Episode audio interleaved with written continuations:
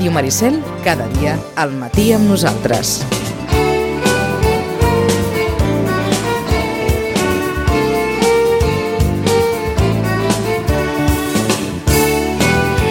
No, és 57 minuts. Va, deixa'm-ho dir, deixa'm-ho dir, que tenim un perico feliç. Ah, sí, i tant, i tant. Home, està molt bé, eh? És, no s'ha hagut de patir, només esperar. I això per vosaltres No, també, és molt- també és històric, eh? També és històric. tant. També és I tant, a històric. més, avui, avui fa 15 anys del gol de Coromines, que és un partit eh, contra la Reial Societat, última jornada de Lliga, que ens va salvar de baixar segona, de la manera més dramàtica possible. Al minut 90 va marcar Ferran Coromines. Cadascú té les seves efemèrides, eh? Sí, clar, Per un per molts anys, Chachi, i un bon dia. I un bon dia. I com que parlarem de, de festes majors, dir-los també, la setmana que ve ja hi dedicarem algun moment de les efemèrides, que Discmedi, la discogràfica Discmedi, Mm. ha editat 10 discos significatius de la dècada dels 70 de la Trinca. I La entre, Trinca. ells hi ha, I entre ells hi ha el Festa Major, Mhm. que Està per és... aquí darrere. Exacte. Bueno, clar, la gent no ens veu perquè això és ràdio, però darrere tinc... Ara, ara ha quedat eh, com un gran comunicador. Exacte. Uh, da, darrere hi ha, el meu ha doncs, en, aquesta, no? en aquesta llibreria tapaïda, Sí, doncs està per aquí darrere, Bé, aquest doncs, festa major de la Trinca. aquest Festa Major que es va fer tan popular en el seu dia, que és un disc de l'any 71, sembla, mm. si no recordo malament, de, del 71, l'alegria és Festa Major, i el, i el sermó, i la parada, i tot això, doncs el tenen amb, amb CD o a les plataformes digitals, perquè com que ja no sabem també qui compra CDs, però en qualsevol cas, Dismedi l'ha l'ha reeditat, amb allò de la remasterització que en diuen, no sonen com els originals, eh? vull dir que sonen pitjor. Però bueno, escolta, ja ben, passa. ben, benvingut sigui, ja passa. En tot cas, en tot cas, de la Trinca s'havia fet un recopilatori que es deia Tots els èxits, que això sí que estava a l'Spotify, però, però clar, faltava molta cosa que ens interessava. I en alguns hi ha hagut reversions posteriors que no són com les originals. Oh, El- i això? No m'ho facis dir, però en alguns hi ha reversions posteriors que no són com les originals. Per exemple, de l'Opus 10, de l'Opus 10 hi ha uns quants temes que la Trinca va reversionar després, però que no sonen com, com l'Opus 10 de l'any de l'any 76. Algun, algun insensible? No, no okay. són, ells mateixos els van, els van reversionar. Hi ha, hi ha la, la, la patata, la faixa, tot això en versions d'aquestes... Però eh, el disc, el disc original, que és tan bo, i, i d'aquí dic en veu alta, i, i en Xachi que m'escoltarà, teniu un musicàs que és Francesc Borrull, Sí. Sí, sí, sí. que és, en majúscules, un dels homes que ha fet gran la música a Catalunya i que va ser la- l'arranjador i el mestre d'aquest Opus 10 de la Trinca, que és un dels grans discos de, de la Trinca, i musicalment és, és perfecte, i en Francesc Borrull, Vilanoví il·lustre, Mm. Sí, sí, Vilanoví d'adopció, però Vilanoví. mm -hmm. Eh, el Francesc Borrull va fer un regal a Vilanova i a la comarca per extensió perquè eh, va ser un dels músics que, que van gravar junt amb Pere Tàpies però que va tenir molta part de culpa del mític disc Passeig del Carme home, que no cal ser de Vilanova per, per, per estimar-se aquell, aquell treball perquè és preciós. és preciós, ni per tenir-lo. Em sembla que encara era dels discos que feia Dixa, no sé si és de l'Edixa. Ai, mira, l'altre dia vam, ser una, vam tenir Oh. una, una discussió. Ah, la, la portada és d'en Cardona Torrentell? la portada és d'en Cardona Torrentell. Exacte. De fet, el tinc... que és una portada molt, i molt, obrir, eh? és una etapa, és una portada molt atapeïda, si no recordo malament, sí, eh? Bueno, com totes les coses del Com Cardona. totes les coses del Cardona Torrentell. N'hi ha que sí, n'hi ha que no, eh? Però... Um, és no magnífica, Edixa, és un- era, era Ariola. Era Ariola, sí senyor. Ara acabem, ara, ara acabem de, de repescar una conversa que vam tenir tot, diu, amb la colla d'amics, tot dinant diumenge. Uh, dubtàvem si era Dixa o Oriola i m'ha fet molta gràcia que hagi sortit aquest tema ara mateix. I algú, quan va arribar a casa, va agafar el vinil, va fer la foto i Tu. va dir, confirmo que era Ariola. És que la Trinca també va editar Medixa i després en Variola.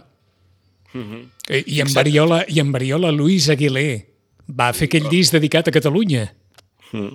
Però Cantant fixa't, en fixa't, català, la, en fi, fixa't el- el- el- el- l'elenco, per dir-ho així, que va gravar Passeig del Carme. Uh, Francesc Borrull, piano i teclats, Carles Benavent, contrabaix, Josep Maria Verdagí a la guitarra, bateria Santi Arissa, percussió Pedrito Díaz, saxo Ricard Roda i arranjaments de Francesc Borrull, com hem dit, tècnic de so Josep Maria Rondon, i gravat a Gema 1. Sí? Als estudis Gemma de Barcelona, que eren els estudis, un dels estudis més importants de, de Barcelona, un disc maquíssim, eh? Qui, qui, el, qui el vulgui trobar, i, vaja, per aquells que diuen no, és que Pere Tàpies no acabava de cantar, doncs que vagin a buscar Passeig del Carme i veuran... És, és molt diferent. Va, Què? Pere Tàpies va fer dos discos que no eren del Pere Tàpies aquest de, de, de diguéssim, de, de riure, no? Un és aquest i l'altre és La Mar de Bé, que és un gran disc. Uh, també en cançons molt boniques i Passeig del Carme és, especi és, és especial, no? Uh -huh. deixa'm, deixa'm, abans d'entrar amb el tema Sí, home, sí, i tant. Uh, li vaig gravar una entrevista al Pere Tàpies, aquell programa que es deia Vida Privada, que fèiem a Canal Blau, uh, i li vaig preguntar sobre per què Passeig del Carme era tan bonic, no? Què, què va passar amb aquest disc? I ell em va explicar que, que aleshores el Serrat se n'havia anat a Sud-amèrica i, clar, allà portava els músics d'allà, no s'emportava els músics d'aquí. Espera't Llavors, un moment, de quin any és Passeig del Carme? Deixa'm que t'ho digui. Ho dic perquè situem, també ens ajudarà a situar Serrat. Uh, uh, Sí, a veure si va ser per l'exili forçat aquell, més o menys, no? jo diria Aquell que és, de, que és posterior, eh? Que és dels 80, Sí, Passeig del Carme. també. Jo crec que també que ha de ser dels 80. Ah, que el, ah, ara t'ho diré, en breus... Has dit 80 molt. clavat. Del 80 clavat, eh? D'acord. No, per tant, no és de l'exili del Serrat, està clar. Uh, en tot cas, que aleshores aquests músics es van quedar aquí i, per dir-ho d'alguna manera, es van quedar sense feina, feina no els hi faltaria, però la discogràfica va dir, doncs poseu-vos a fer uh, el disc de, De Pere del Pere Tàpies. Tàpies. I clar, ell sempre deia que, clar, amb aquells músics era impossible que sortís malament. Aquesta entrevista està a la web de Canal Blau, si la voleu recuperar. Oh, i tant que és sí. un programa que es diu Vida Privada, que fèiem entrevistes a, a persones i personatges de la Fa, comarca. fa uns quants anys d'això també, eh? Sí, no porto barba, no? No, no, ho vas deixar de fer. bé, aquelles coses que fas i després deixes de fer i tal. I, Però ja està. I, i, mentre... Tal dia si cal ja la recuperarem i si no... I mentrestant, festes majors i caps de setmana. Com ha passat precisament aquesta setmana perquè s'ha celebrat Sant Anastasi, festa a Badalona i a Lleida, i en Xachi ens deia, val la pena parlar-ne perquè d'alguna manera també la celebració d'aquestes dues festes marquen, o sembla que hagin de dibuixar una mica cap on aniran les coses sí. aquest estiu. Sí, han estat vaja, són la festa major de Sant Anastasi, tant a Lleida com a Badalona, lloc del naixement i de la mort del sant, curiós, uh, d'un sant que s'ha demostrat que no va existir, és a dir, que sabem l'any i el lloc on va néixer i on va morir, i l'any també, però, però sabem també que és un, invent, com molts sants, eh? Vull dir, hi ha molts sants que ara jo no voldria trencar la mística, però que sabem que no van existir, o que, sobretot quan estan molt localitzats en un lloc, vol dir, o bé a dir que a vegades són llegendes, per dir-ho així, entre moltes cometes, eh, en un altre, im- imitades d'un altre lloc, no es parla molt, per exemple, de Santa Eulàlia a Barcelona amb Santa Eulàlia de Mèrida. Bé, aquest no és el cas. La història és que tant a Lleida com a Badalona han celebrat les, seva, les festes, les festes, la festa major i la fe, les festes de maig, respectivament, i que ho han salvat prou bé per l'època amb la que estem i, a més, per ser les primeres. Sempre parlem de que Sant Pere i Sant Joan són les primeres, però ens oblidem d'aquestes, i també alguna que n'hi ha, però sí que de la temporada estival, però aquestes ja són primaverals, normalment fa calor, ha alguna manica curta i tenen aquest punt de l'aire lliure i tal, eh, perquè són festes gairebé primaverals estivals. I a tots dos llocs han, han tret els balls, han ballat els balls, s'ha fet passada, s'han tancat places, s'han acotat i s'ha fet molt bé i per tant jo crec que els ajuntaments haurien de fer una mirada o trucar als seus homòlegs, tant tècnics com polítics de Lleida i Badalona, que a vegades no es tenen no es tenen en compte, no? a vegades sempre hem de pensar en altres llocs, no. Doncs mira, Lleida i Badalona per calendari els ha tocat i ho han salvat amb nota, òbviament per l'esforç administratiu i òbviament per l'esforç associatiu. Com s'ho han fet? Estirant una miqueta del fil, és a dir, quan parles de tancar una plaça, ho dic per si ens podem imaginar alguna cosa, eh? De, de cara a les, a les nostres festes, si, si Vilanova s'ho pot, eh, s'ho pot plantejar a la plaça de la Vila, si nosaltres ens ho podem plantejar a la plaça de l'Ajuntament o al cap de la Vila, com, com s'ho han fet, això? Vaja, és el que haurien de fer, no? El, ja, vull dir, saltar la lògica. En tot cas, a Badalona, que és on jo hi vaig ser, Sí. el cap de setmana abans eh, van tancar el parc, eh, un parc, el parc de Can Soleil, i allà, doncs, amb entrada i asseguts, doncs, van fer doncs, al matí tota una història que fan que, sobre els dragolins, no? com Però- per la canalla. Però esclar, Xachi, tarda- el, el parc deu ser gran, això, eh? és un parc gran, que està bé. A Sitges, doncs, haurien de buscar un lloc. Potser a la platja serà el més gran. Però, eh, perquè realment Sitges té un, un, un urbanisme de, de poble amb, amb, tot el, amb tot el bon sentit. Eh, dic perquè ma, vosaltres encara podeu buscar, què et diré, a la plaça de la Vila, sempre La podeu... plaça del Mercat, que és enorme. O la plaça del Mercat, però- però sempre podeu buscar una entrada i una sortida. Nosaltres al Mm. cap de la Vila o a la plaça de l'Ajuntament no és que no ho puguem buscar, però és més complex de, de poder gestionar. És a dir, ells van, van trobar una zona gran, la van acotar, Uh -huh. Perquè- van acotar i van, al matí es va fer això, a la tarda van fer tota una sèrie de ball de gegants, perquè tenen molts, molts de gegants a Badalona, i a la nit van fer la nit de foc, amb una carretillada i la mar de bé. Això va portar certs problemes perquè era l'últim dia de toc de queda i l'acte es va allargar més enllà de les 10 de la nit i va provocar l'actuació policial. Ahà. Però bé, anècdota Eh, al marge, eh, escolta'm, i aquesta carretillada, el, el públic, co, com? assegut, assegut. Assegut, eh? Sí. Que, que ho has vist mai? Bé, esclar, una carretillada amb la gent No, clar, asseguda... eh? Vull dir, veràs, ballar els gegants amb la gent asseguda tampoc és gaire habitual.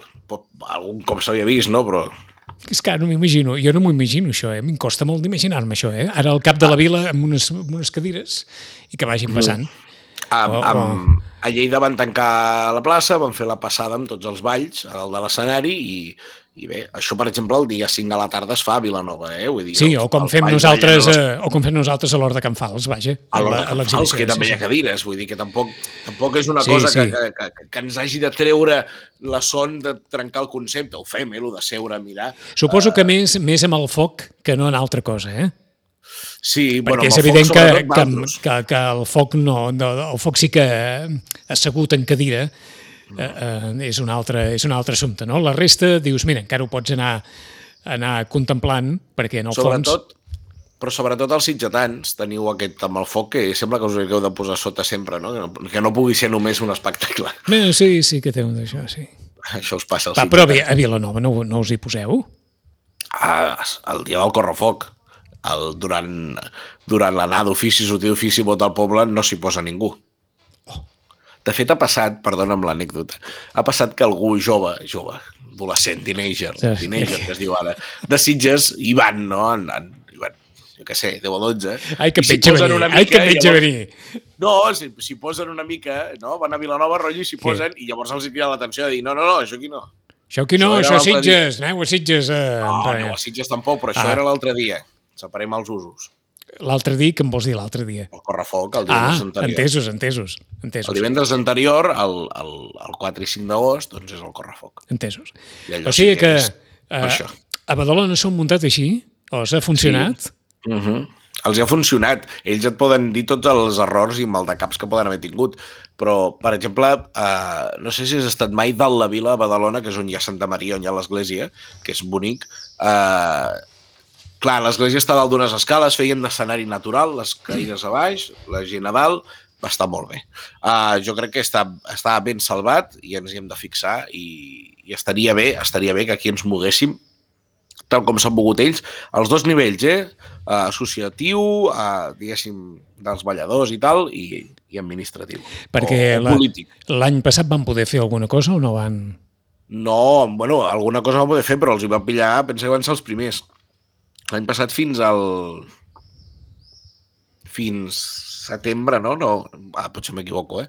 Però fins setembre ningú va poder fer gaire No, no, cosa. està clar, Vilanova es volia clar. fer els versots del Vall de Diables, però al final hi va haver un positiu dins la colla i no.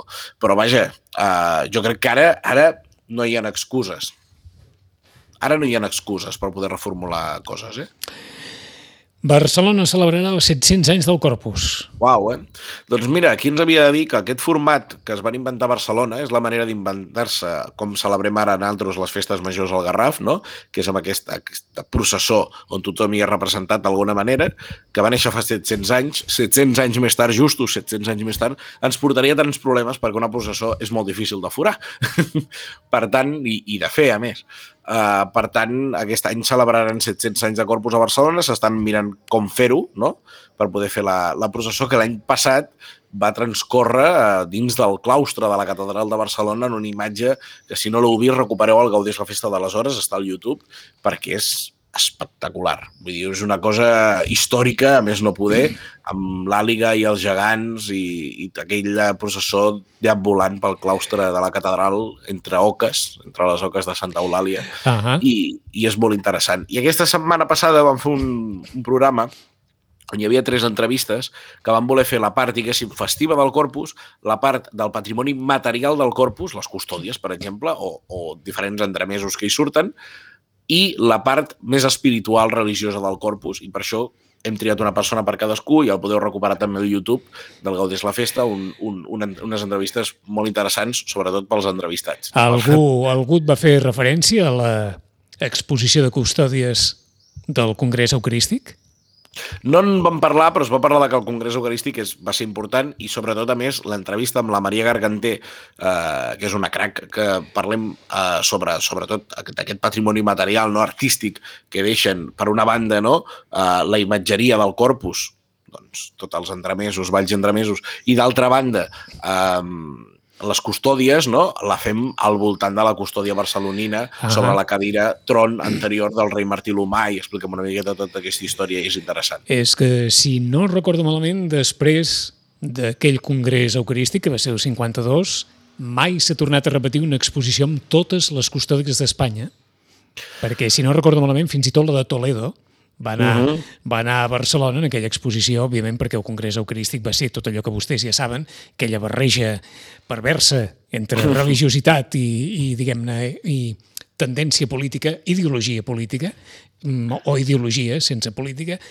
a Barcelona i va allà trobar-s'hi el millor millor de la imatgeria de, de les custòdies de, de tot Espanya. Per tant, no sé si després s'ha tornat a repetir que el com semblant, però és cert que les custòdies són una, és un tema d'estudi també eh, enorme per, per poder-hi treballar. Mm, S'està treballant en un catàleg i una exposició al voltant d'això del corpus. Hi ha una part important dedicada a la, a la custòdia, però hi ha una part interessant que és eh, el corpus ara què?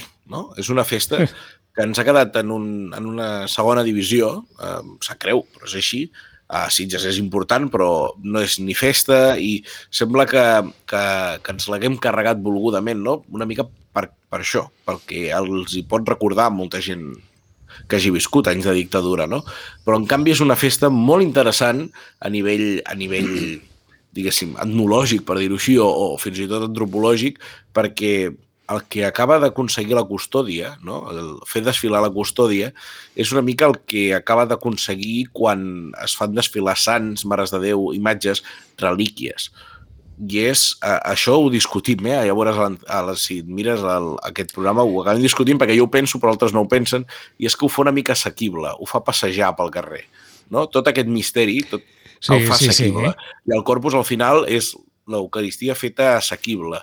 Uh, llavors hi ha tota una discussió que va continuar després en un dinar en aquella entrevista. Eh, és que segurament... Amb, amb l'Alicent del Mirall, que és, que és molt interessant. Eh, és que segurament els més grans eh, et dirien bé eh, qui vulgui buscar responsabilitats que les, que les busqui a l'Església, perquè va ser mm. el bisbat qui va traslladar la festa de dijous a diumenge. I, i per sí, tant, diguem-ne que va... El dijous va, de ser fest, va deixar de ser festa. Sí, exacte, clar. exacte.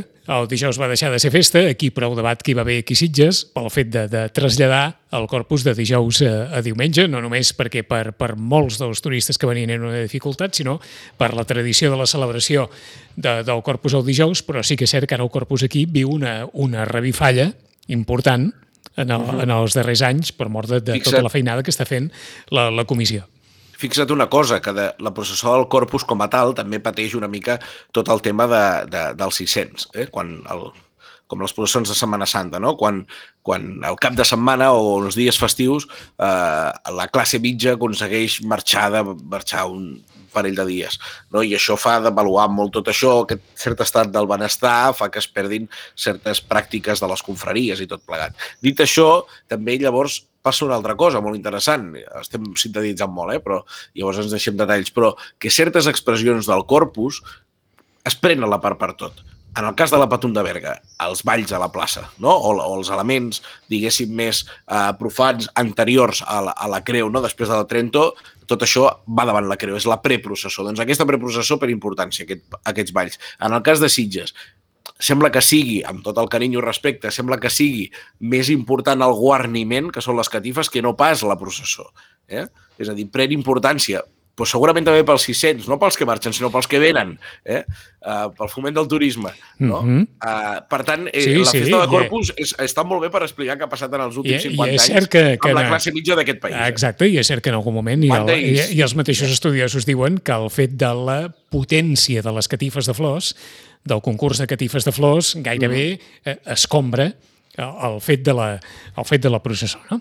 700 anys, per tant, de, del Corpus a Barcelona, nosaltres amb el Corpus també més o menys a punt, però abans tindrem ocasió de, de tornar-nos a trobar amb en Xachi. Xachi, fins d'aquí 15 dies. Com sempre, un plaer, una abraçada. Igualment, adeu-siau.